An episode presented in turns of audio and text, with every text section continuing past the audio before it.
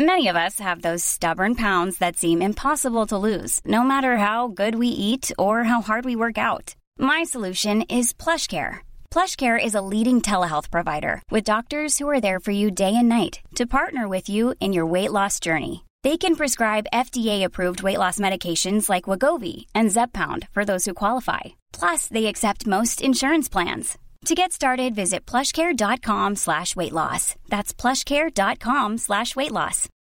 Millions of people have lost weight with personalized plans from Noom, like Evan, who can't stand salads and still lost 50 pounds. Salads, generally, for most people, are the easy button, right? For me, that wasn't an option. I never really was a salad guy. That's just not who I am. But Noom worked for me. Get your personalized plan today at Noom.com. Real Noom user compensated to provide their story. In four weeks, the typical Noom user can expect to lose one to two pounds per week. Individual results may vary.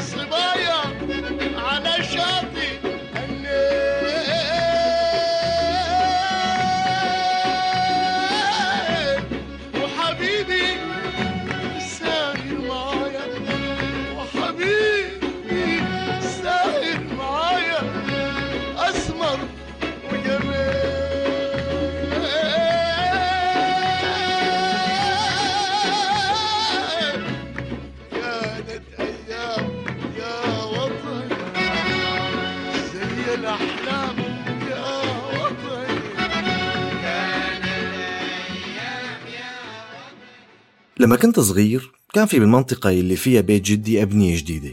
كان عمري حوالي عشر سنين.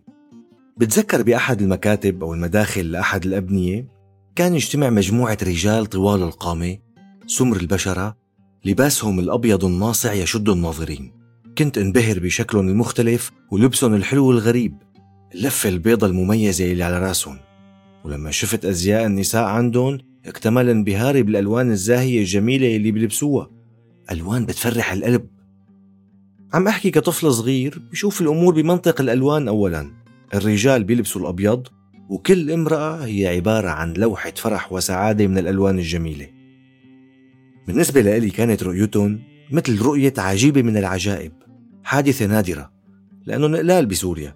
شكل مختلف عن شكل السوريين أو السياح يلي بيجوا على سوريا من ذوي البشرة البيضاء.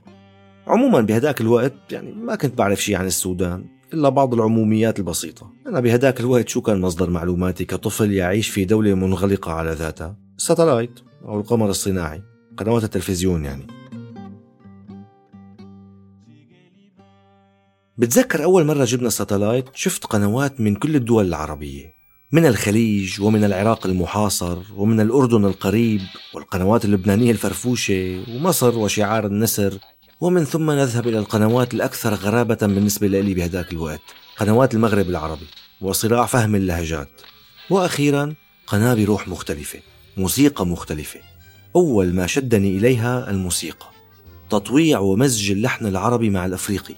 طريقة غناء. اللهجة سهلة الفهم الابتسامة. ومرة تانية الملابس اللي بتعكس طيبة الناس وحبهم للحياة في السودان.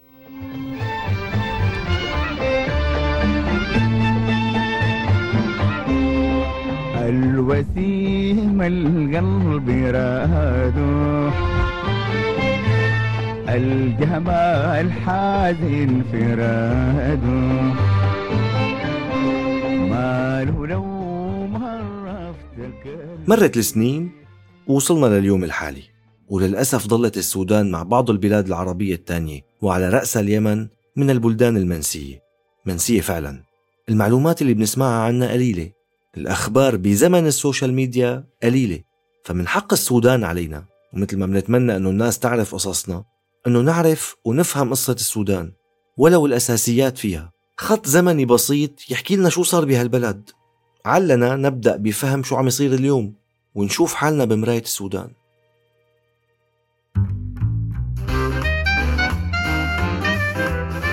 شو رأيكم يا شباب؟ نسميه من بيت؟ لا بالمرة سميه شجرة حبيبي. من بيت يا شباب. وين فكر حالك؟ عاد. معك حق بيت. مزبوط بس لا ليش حتى أنت يا شباب عم افتح؟ المعجم؟ آه، من بيت من مرادفات كلمة أصل. وإذا أخذنا الأصل الجذر اللغوي. أهلين وسهلين ومرحبتين ببودكاست من بت من إنتاج صوت معي أنا بشر نجار.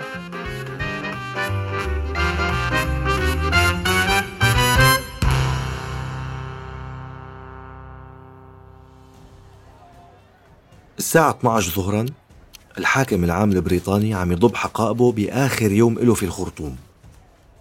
العلم الجديد جاهز. شكله مختلف عن العلم اللي بنعرفه اليوم. والناس في أكبر دولة إفريقية مساحة عم تنتظر من الشمال إلى الجنوب هاي اللحظة. رئيس الوزراء إسماعيل الأزهري زعيم المعارضة محمد أحمد محجوب واقفين تحت السارية. نزلوا أعلام مصر وبريطانيا وانتظروا العلم السوداني يلي جابه عسكري.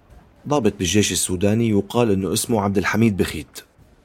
لقطات بتلخص شكل السودان والقوى الفاعلة فيه بالمستقبل. واحد واحد 1956 هو تاريخ استقلال السودان عن بريطانيا ومصر. بلد فيه أفكار كتيرة وأحزاب وتعددية بين طرف هدفه الحداثة وطرف محافظ جاي من خلفية دينية وصوفية أحيانا مثل علي المرغني وعبد الرحمن المهدي.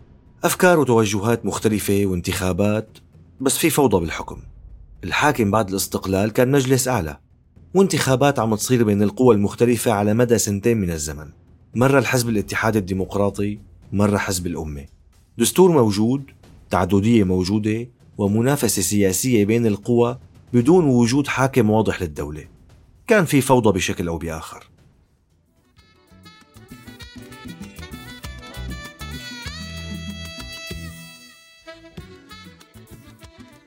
هيك لسنة 1958 الفريق إبراهيم عبود أعلن انقلاب على الحكومة المنتخبة ومباشرة حل البرلمان.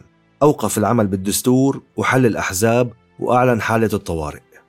يعني الديمقراطية مع السلامة. وأهلا بحكم الفرد العسكري. الجيش سيطر على مفاصل الحكم وأعلن الفريق عبود السودان جمهورية ديمقراطية. مدري ليش بس يسيطر المستبد على الحكم لازم يضيف كلمة ديمقراطية على الدولة. وكأنه حتى هو مو مصدق وبده يبرهن للشعب. والله ديمقراطية يا جماعة. المهم ما وقفت التظاهرات ضد الحكم العسكري. وبالمقابل القمع كان موجود. لسنة 1964 لما بإحدى المظاهرات الطلابية أطلق الجيش الرصاص على مظاهرة وقتل طالب اسمه أحمد القرشي. واشتعلت البلد بعدها بتشييع جثمانه.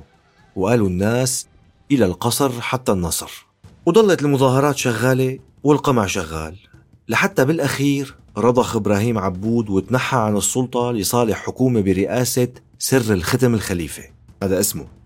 وخلال السنوات اللاحقة صارت انتخابات ديمقراطية ومنافسة بين الأحزاب ما كانت موجودة بمعظم الدول العربية والأفريقية. كانت دول مثل مصر وسوريا والعراق وغيرهم عايشين تحت ظل أنظمة استبدادية بيحكمها الرجل الواحد مع أجهزته الأمنية.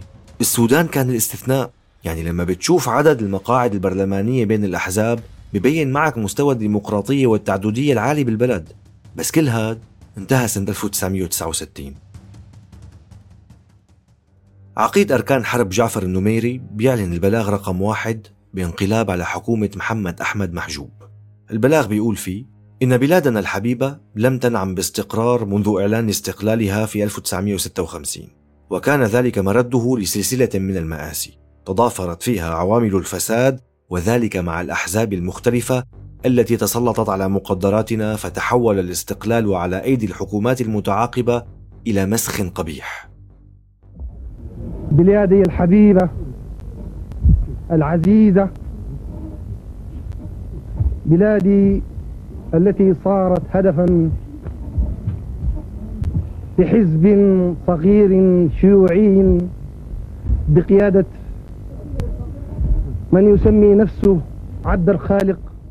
مباشرة اندعم النميري عسكريا من حكومات مصر والعراق وليبيا لقمع المعارضة والتمردات اللي طلعت بكل مكان بالسودان. بأم درمان صار تمرد بقيادة إيمان الهادي المهدي وقمعوا الجيش بقيادة النميري وانقتل المهدي مع حوالي عشرين ألف من أنصاره بهالعملية. ومنع النميري وجود الأحزاب. ومع أنه تعرض لعدة محاولات انقلابية مثل الانقلاب سنة 1971 الفاشل يلي عملوه ضباط من الحزب الشيوعي بوقتها قاموا فيه بمجزرة قصر الضيافة اللي نقتل فيها العشرات من الضباط إلا أنه قدر يتغلب عليهم ويستمر بالحكم. وبنفس السنة 1971 أسس حزب الاتحاد الاشتراكي السوداني ليكون الحزب الوحيد والحاكم في السودان. يعني رجع دخل السودان لحظيرة الحكم الفردي المستبد. استمر الدعم المصري والسعودي خلال السبعينات؟ ضل مستمر وطلعت خلافات مع ليبيا. وما توقفت التظاهرات ضد نظام النميري. وكان الرد دائما نفسه القتل والقمع. وأعيد انتخاب النميري رئيسا للسودان سنتي 1977 و 1983 بنسبة 99% نسبة غريبة جدا عن منطقتنا مثل ما بنعرف. حكم النميري السودان لحوالي 16 سنة. كان الاستبداد هو الغالب فيها. بس سنة 1985 مرض وسافر يتعالج بأمريكا فطلعت مظاهرات واحتجاجات كتير بالسودان عليه. احتجاجات كبيرة عمت البلد كلياته وأدت بالنهاية لأن وزير الدفاع آنذاك عبد الرحمن سوار الذهب يعلن انحياز القوات المسلحة إلى جانب الشعب والانقلاب على نظام جعفر النميري.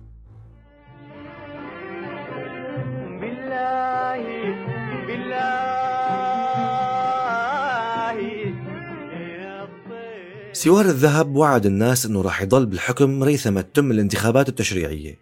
والغريب إنه صدق. لك إيه صدق؟ تخيلوا عسكري عمل انقلاب وصار على رأس السلطة يتنازل عن الحكم لمدنيين وبمنطقتنا. المهم سنة 1986 فاز حزب الأمة بانتخابات ديمقراطية وتشكلت حكومة ائتلاف برئاسة المرغني. بس الفوضى كانت موجودة بالبلد بين أنصار الحكومة الجديدة وأنصار النميري. وانحلت الحكومة وإجت حكومة جديدة بعده بقيادة الصادق المهدي. ولكن كل هذه اللغوصة والديمقراطية والانتخابات الجميلة كانت على موعد مع نهاية أليمة. الأسامي كتيرة بعرف والتواريخ كتيرة بس ممكن إن شاء الله بالمستقبل القريب بموسم قادم نعمل حلقة أو عدة حلقات للغوص في تفاصيل هذا البلد المنسي وتاريخه وسياسته. المهم الموعد الأليم كان هو الانقلاب يلي قام به الفريق عمر الحسن البشير سنة 1989 وكالعادة حل الأحزاب وأوقف العمل بالدستور ومنع تشكيل الأحزاب أصلا. وفرض قانون الطوارئ بالبلد. وأعلن مجلس قيادة الثورة أنه البشير فرض الشريعة الإسلامية على شمال السودان سنة 1991 وعم نقول شمال السودان لأنه جنوب السودان قصته مختلفة ورح نجي لها بعد شوي. قام فرض الاتحاد الأوروبي عقوبات على السودان بسبب دعمه للإرهاب. وبديت تطلع تقارير من منظمات حقوق الإنسان ومنظمة العفو الدولية عن القمع والقتل يلي مارسه نظام البشير على السودانيين بالتسعينات. أما في أغسطس عام 1993 أدرجت السودان على قائمة الدول الراعية للإرهاب بالنسبة للولايات المتحدة. معنى حرمانها من المساعدات غير الإغاثية والتي كانت محظورة في الأساس إضافة إلى حظر تصدير الأسلحة إليها وكان ذلك بالطبع على خلفية استضافة نظام البشير لزعيم تنظيم القاعدة أسامة بن لادن وقتها. بس بعد ما تم انتخابه كرئيس للسودان بنسبة 76% سنة 1996 إجت عقوبات أمريكية وحصار اقتصادي سنة 1997 على السودان. كل هالعقوبات كانت بسبب استقبال نظام البشير للقاعدة في السودان تنظيم القاعدة وحتى استقبال بن لادن نفسه. ولاحقا نفذت أمريكا ضربات عسكرية على معامل قالت أنه عم تتم فيها صناعة أسلحة كيماوية. يعني عاملت نظام البشير على أنه مثير للمشاكل بالمنطقة خصوصا بعد تفجيرات سفارتي أمريكا بنيروبي عاصمة كينيا ودار السلام عاصمة تنزانيا. عشر سنوات ولا يزال الصراع مستمرا. هذا في إقليم دارفور السوداني. صراع اضطر معه أكثر من مليونين ونصف المليون شخص إلى الفرار من منازلهم. نحو مئتي ألف منهم لجأوا إلى تشاد غربا تقول الأمم المتحدة. وسنة 2000 Millions of people have lost weight with personalized plans from Noom, like Evan, who can't stand salads and still lost 50 pounds. Salads, generally, for most people, are the easy button, right? For me, that wasn't an option. I never really was a salad guy. That's just not who I am. But Noom worked for me. Get your personalized plan today at Noom.com. Real Noom user compensated to provide their story. In four weeks, the typical Noom user can expect to lose one to two pounds per week. Individual results may vary. I'm Sandra, and I'm just the professional your small business was looking for. But you didn't hire me because you didn't use LinkedIn jobs. LinkedIn has professionals you can't find anywhere else, including those who aren't actively looking for a new job but might be open to the perfect role, like me. In a given month, over 70% of LinkedIn users don't visit other leading job sites. So if you're not looking on LinkedIn, you'll miss out on great candidates like Sandra. Start hiring professionals like a professional. Post your free job on linkedin.com/people today. ثلاثة اشتعل تمرد بإقليم دارفور غرب السودان على الحدود مع تشاد. هذا أقليم كبير يعني ممكن يكون بشكل ربع مساحة السودان. كثير بنسمع بقصة دارفور ولا بد لنا من الحديث عنها باختصار. سنة 1994 طلع البشير قرار بيقسم فيه منطقة دارفور إلى ولايات بدل ما يكون إقليم. وهالإقليم له خصوصية إنه السودانيين من غير العرب بشكلوا جزء كبير من سكانه. وهالتقسيمة هي ما عجبتهم لأنه لسنوات طويلة كانوا يشعروا بإهمال. وضروري نعرف أنه السودان هو بلد متنوع في عرب وقبائل أفريقية وفي مسلمين ومسيحيين. هالقبائل الأفريقية السودانية اللي بإقليم دارفور ضاقت ذرعا بالتهميش والإهمال تبع حكومة البشير فأعلنت التمرد عليه. فأرسل البشير الجيش السوداني والشرطة والجنجويد اللي هي قوات موازية مكونة من البدو العرب السودانيين لتروح تقاتل حركة تحرير السودان وحركة العدل والمساواة بدارفور اللي كمان مسلمين بس مو عرب. الحكومة السودانية كانت تقول لك نحن ما لنا علاقة بالجنجويد.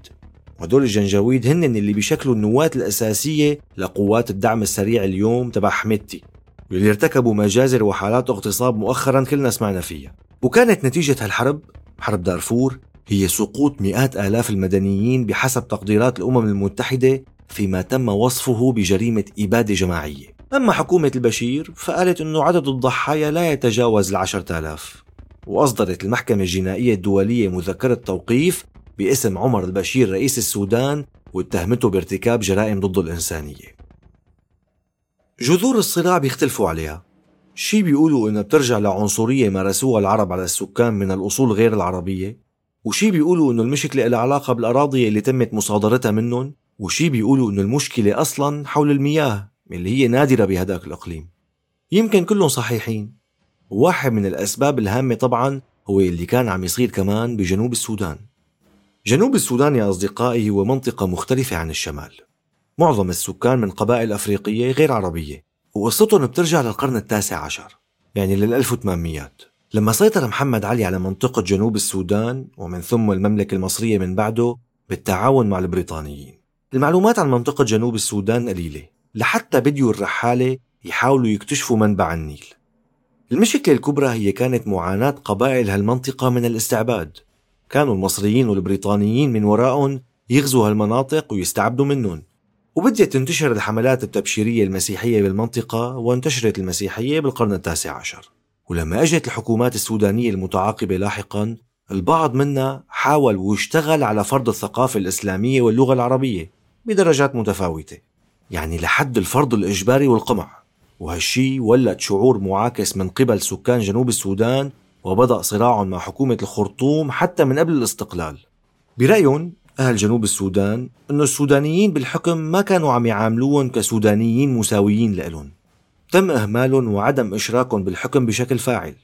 وتاريخ الجنوبيين مع الشماليين كان قائم على الخوف أو الترقب. إنه هدول الناس بدهم ياني يغير ثقافتي أو ديني أو بدهم يستعبدوني. وهالشي ولد مشاحنات وتمرد وبديت المطالبات بالاستقلال والانفصال من قبل استقلال السودان حتى. وكانت مدفوعة من قبل بريطانيا. بعد انقلاب عبود سنة 1958 زادت هالمطالبات بالاستقلال بسبب سياسة عبود يلي حاولت تذويب الجنوب مع الشمال. فرض اللغة العربية والثقافة الإسلامية. ولاحقا تشكلت حركة أنانيا المتمردة بالجنوب لتقاتل الشمال وتحاول تستقل عنه بدعم من إثيوبيا. والنتيجة كانت أنه سنة 1972 وقعت اتفاقية أديس أبابا بين الحكومة السودانية بقيادة جعفر النميري وجنوب السودان. واتفقوا بموجبها أنه جنوب السودان يصير يحكم نفسه حكم ذاتي ضمن سودان موحد. بس سنة 1983 تراجع النميري وقسم جنوب السودان لثلاث ولايات. وأرسل جنود لقمع حركة جيش الرب يلي كانت موجودة بالأدغال الاستوائية بجنوب السودان. أرسل ضابط من جنوب السودان اسمه جون قرنق ما بعرف إذا عم لفظه صح. ولما وصل هالضابط لهونيك انشق عن الجيش السوداني وانضم لجيش الرب ليقوده بتمرده على حكومة الخرطوم وأسس الحركة الشعبية لتحرير السودان. واستمر الوضع هيك بين الحكومة بالخرطوم والمتمردين بالجنوب. كر وفر أخذ وعطى شوية اتفاقات وشوية معارك بحسب الحكومة.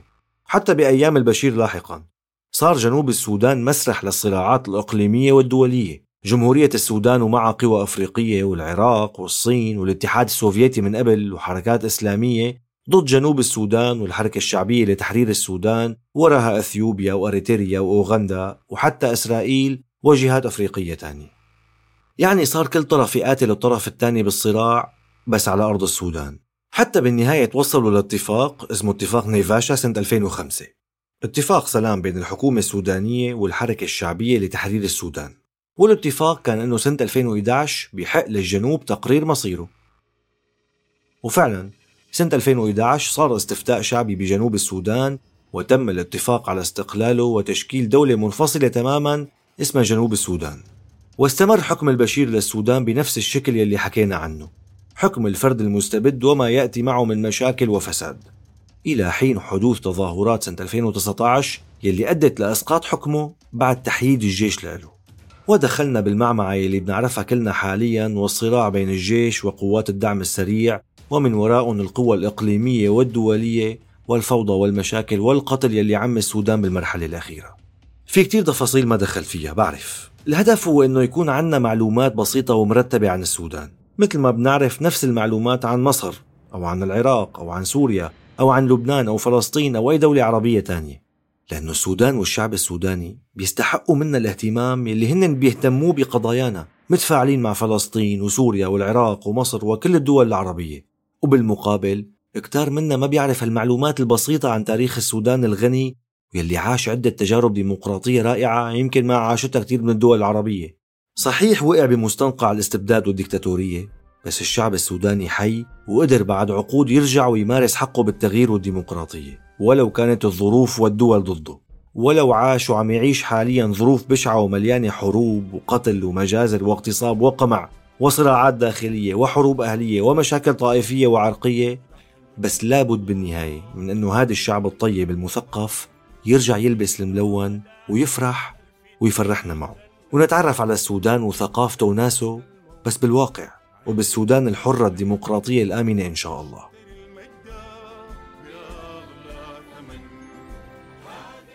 كنت معكم بالكتابة بشر نجار من الإنتاج والتحرير أحمد إيمان زكريا تدقيق المعلومات بيان عاروري من الهندسة الصوتية حسام علي فريق النشر والترويج بيان حبيب وعمر خطاب وجنى عوض ومحمد ياسر. بودكاست منبت من إنتاج صوت.